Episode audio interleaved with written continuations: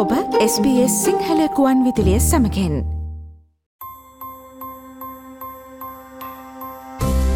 මේ SBS ගුවන් විදිලියේ podcast විකාශයයි.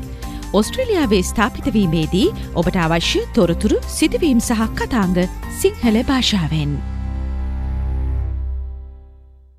ඔස්ට්‍රලයානුවන් මිලියන දහ හතා කෙළමෙන ඔස්ට්‍රලයානු ෆෙඩරල් මැතිවරණය සඳහා චන්දය ප්‍රකාශ කිරීමට ලියාපදිංචි වී තිබෙනවා. ඔස්ට්‍රලයාාවේ මැතිවරණ ක්‍රමය කළමනාකරණය කිරීමට ස්වාධීන ආයතනයක් පවතින අතර ඔස්ට්‍රලයානු මැතිවරණ කොමිසම ඔස්ට්‍රලයානු ෆෙඩරල් රජය හැඩගස්වා ගැනීමට උපකාර කිරීමට සුදුසුකම් පවතින සියලුම පුරවැසියන්ට පවතින අවස්ථා සහතික කරනවා. මෙවර සෙටල්මන් ගයි තුළින් අවධානය යොමු කරන්නේ ඔස්ට්‍රලයාාවේ මැතිවරණයකදී චන්දය ප්‍රකාශ කරනාකාරය පිළිබඳව. මැතිවරණ දිනේදී ඔස්ට්‍රලයානු මැතිවරණ කොමිසම රටපුරා චන්ද මධ්‍යස්ථාන තුළ සෑම පැකටම චන්දදායකින් මිලියනයක් අපේක්ෂා කරනවා. එමෙන්ම චන්දහිමි නාමලේඛනයේ සිටින සියලුම දෙනා චන්දය ප්‍රකාශ කිරීමත් අනිවාර්ය වනවා. ඔස්ට්‍රලයානු මැතිවරණ කොමිසමෙහි ප්‍රකාශක චෙස් ලිලි සඳහන් කරන්නේ ඔබ ඔබේම මැතිවරණ කොට්ටාශයේ චන්දය දීමට වග බලාගත යුතු බවයි. එමෙන් මෝස්ට්‍රලයාාවේ ෆෙඩරල් මැතිවරණ කොට්ටාශ එකසිය පනස් එකක් පවතින බවත් ජෙස් පවසනවා. There are 151 federal electoral divisions in Australia, and we've got a great tool on the website, aec.gov.au. You'll be able to input your suburb or postcode to find out what electoral division you'll be voting in. But you can also give us a call on 13 23 26 to talk to an AEC staff member or access our telephone interpreter services. ඔස්ට්‍රලයානු මැතිවරණ කොමිසම මගින්න මැතිවරණ දිනයේදී පාසල් ප්‍රජා මධ්‍යස්ථාන පල්ලි සහ වෙනත් ස්ථානවල චන්ද මධ්‍යස්ථාන දහස් ගණනක් පවත්වාගෙනයාම සිදු කරනවා. ඔස්ට්‍රලයානු මැතිවරණ කොමිසම මගින් සපයන ඔන්ලයින් ලිංක එකක් ඔස්සේ ඔබ ජීවත්වන මැතිවරණ කොට්ටාශය හඳුනා ගැනීමට උපකාරී වන බවත් ජෙස් පෙන්වා දෙනවා. You'll be able to input your suburb and your postcode, and our tool will help you find who your candidates are as well as where you can actually cast your vote. ඔස්ට්‍රලයානු මැතිවරණ කොමිසමේ ප්‍රකාශක ඉවාන් ඒකින් Smith සඳහන් කරන්නේ චන්දය ලබා දෙන ස්ථාන මගින් සහ ඔස්ට්‍රලයානු මැතිවරණ කොමිසමෙහි වෙබ් අඩවී මගින් මේ සම්බන්ධයෙන් විවිධ භාෂාවලින් උපතෙස් ලබාදීම සිදු කරන බවයි.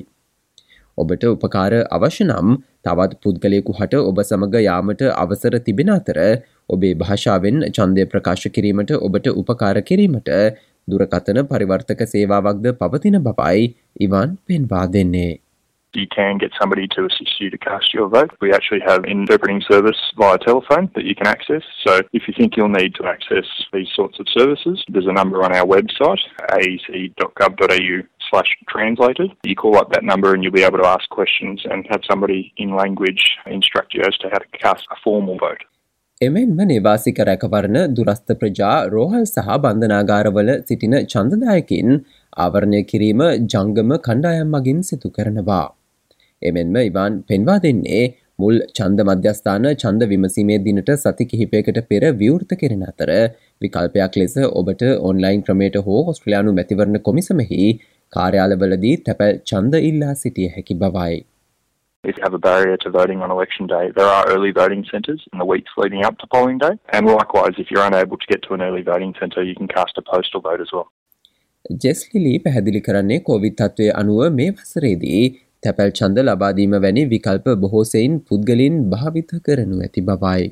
This year it's going to be really open for postal voting given the COVID circumstances. We'll also have that postal vote application for people who don't feel comfortable going to a polling place or live remotely or working remotely and need to access those postal voting services. Covid පැළඳීම හේතුවෙන් හුද කලාවීමට වන සියලුම පුද්ගලින් හට දුරකතනය ඔස්සේ ඔස්ට්‍රලයානු මැතිවරණ කොමිසම මගින් සපයන දුරකතන චන්ද පද්ධතිය සමඟ සම්බන්ධවීමට හැකියාව පවතිනවා. මැතිවරණ නිවේදනයෙන් පසුව වන සති කිහිපය තුළ ඔස්ට්‍රලයානු මැතිවරණ කොමිසමෙහි සේවාවන් ලබාගත හැකි. ඔබ වෙනත් ප්‍රාන්තයකට චන්දය ලබා දෙන දිනේදී යාමට අපේක්ෂා කරයි නම් ඔබට තැපැල් චන්දය භාවිත කළ හැකි. එසේ නැතිනම් අන්තර්ප්‍රාන්ත චන්ද මධ්‍යස්ථානයකටත් පිවිසිය හැකි. ඔබ විදේශගතව සිටියත් ඔබට චන්දය ප්‍රකාශ කළ හැකි වනවා. මෙ සඳහා ස්ත්‍රලානු මැතිවරණ කොමිසමේ වෙබ්බඩවියේ ඕවසිස් නොටිෆිකේෂන් ෆෝරම්ස් නොහොත් විදේශීය දැනුම්දීමේ පෝරම පවතිනවා. එමෙන්ම ඇතැම් රටවල ස්ත්‍රලයානු මහ කොමසාරිස් කාර්යාලද මෙදින චන්ද මධ්‍යස්ථාන සැපීමත් සිදු කරනවා. මැතිවරණ විශ්ලේෂක විලියම් බෝවි සඳහන් කොට සිටින්නේ දේශපාලන පක්ෂ සහ ස්වාධීන පිරිස බොහෝවිට චන්ද තොරතුරු චන්ද මධ්‍යස්ථානවලින් පිටත බෙදා හැරීම සිදු කරන අතර කෙසේ නමුත් ඔවුන්ට ඔබව නොමග යැවීමට ඉඩ නොතබන ලෙසයි. එමෙන්ම මැතිවරණ දිනයේ පක්ෂ චන්ද පොළවල් අසලදී චන්දය දෙන්නේ කෙසේද ලෙස චන්ද පත්‍රිකාව නිශ්චිත ආකාරයකින් පුරවා ගැනීමට නිර්දේශ කරන කාඩ් පතක් එම පිරිස ලබා දෙන්න නමුත් ඔබ එසේ චන්දය දිය යුතු නැති අතර ඒ නිර්දේශයක් පමණක් වන බවත් විලියම් පෙන්වා දෙනවා. What the parties do is that they hand out how to vote cards at polling booths on election day that recommend that you fill out your ballot paper a certain way. You don't have to vote that way. It's just a recommendation. එමෙන්ම William පවසන්නේ සාමාන්‍යයෙන් මැතිවරණයක් යනු ජාතික නායකයා තෝරා ගැනීම සම්බන්ධයෙන් වන බවට ජනතාව සිතන බවයි. නමුත් ජාතික නායකයා පාර්ලිමේන්තුවේ වැඩිම ආසන සංඛ්‍යාවක් දිනාගන්නා පක්ෂයේ නායකයා වන බව විලියම් පවසනවා.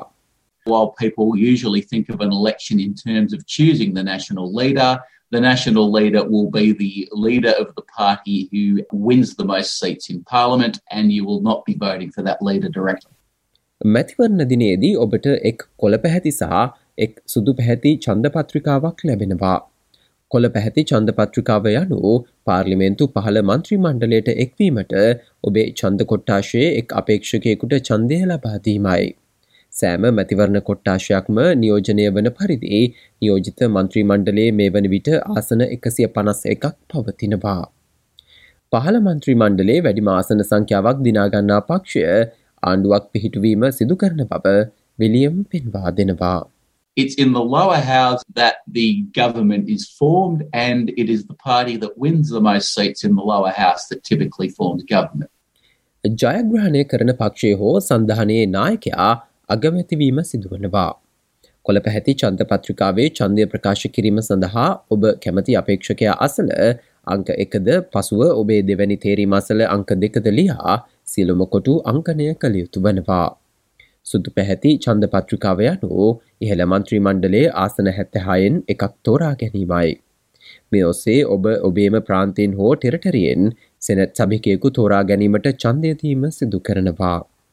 සෙනත් සභාව සඳහා චන්දය ප්‍රකාශ කිරීම තරමක් වෙනස් වනවා. මෙහිදී ඔබේ ප්‍රාන්තය සඳහා සියලුම අපේක්ෂකින් ඇතුළත් වන පත්‍රිකා ඇති බැවින් අතිවිශාල චන්ද පත්‍රිකාතෝගයක් ලැබීමට ඔබට භයානක ලෙස පෙනීමටත් ඉඩකඩ පවතිනවා. නමුත් විලියම් සඳහන් කරන්නේ චන්දය ප්‍රකාශ කිරීම ඉතා සරල විය හැකි බවයි. චන්දපත්‍රිකාවේ රේකාවට ඉහලින් කොටු සහ රේකාවට පහලින් කොටු පවතිනවා. රේකාවට ඉහලින් සෑම පක්ෂයකටම එක් කොටුවක් තිබෙනවා.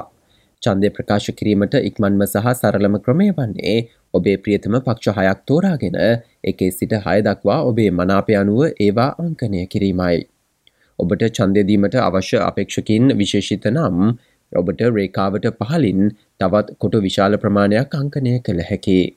ඔබ රේකාවට පහලින් චන්දය ප්‍රකාශ කරන්නේ නම් ඔබ අවම වශයෙන් කොටු දොල්හක්වත් අංකනය කළ යුතු බවයි විලියම් පවසන්නේ. But voting can be quite simple because there are two different ways you can do it. There are boxes above the line and boxes below the line. Boxes above the line, there are one for each party. The quickest and simplest way to vote is to pick your six favourite parties and number them in order of your preference from one to six. If you are particular about which candidates you want to vote for, you can number a lot more boxes below the line. If you vote below the line, you have to number at least 12 boxes. එමෙන්ම William පෙන්වා දෙන්නේ වැඩි කතිර හිමිවන අපේක්ෂකයෙන් ජයග්‍රහණය කිරීම සිදු නොවන අතර ආසනය ජයග්‍රහණය කිරීමට නම් සියට පණහක චන්ද ප්‍රතිශතයක් ලබාගත යුතු බවයි. The seat is not simply won by the candidate who gets the most crosses next to their boxes on the ballot papers. You have to get 50% of the vote in order to win the seat. If nobody gets 50% of the vote, then you exclude the last place candidates. You look at those ballot papers again, and then you move those votes on to whoever they put second. And you keep eliminating the last place candidate until you end up with a candidate who does have over 50% of the vote. චන්ද උපදෙස් හොඳින් පිළිපැදීම වැදගත් වනවා. ඔබේ චන්ද පත්‍රිකාව නිවැරදිව සම්පූර්ණ කර නොමැතිනම් එය අවිධිමත් චන්දයක් බවට පත්වන අතර මැතිවරණ ප්‍රතිඵලයට එය ගණන් ගැනීම සිදුවන්නේ නැහැ. අංකයක් වෙනුවට හරි ලකුණක් හෝ කතරයක් ඇඳීම හෝ ඔබව හඳුනාගත හැකි යමක් චන්ද පත්‍රිකාවේ ලිවීම මේ සඳහා උදාහරණ වශයෙන් දැක්විය හැකි. චන්දය ප්‍රකාශ කිරීම අනිවාර්ය වනවා. චන්දය ප්‍රකාශ නොකිරීමට වලංගු හේතු ඔස්ට්‍රලයානු මැතිවරණ කොමිසම මගින් තක්සේරු කරනවා. උදාහරණයක් ලෙස විදේශගතව සිටින ඇතැම් පුද්ගලින්ට චන්දය ප්‍රකාශ කිරීමට නොහැකි විය හැකි. එවැනි අවස්ථාවකදී ඔස්ට්‍රලයානු මැතිවරණ කොමිසම එම තත්ත්වය සම්බන්ධයෙන් තේරුම් ගන්නවා.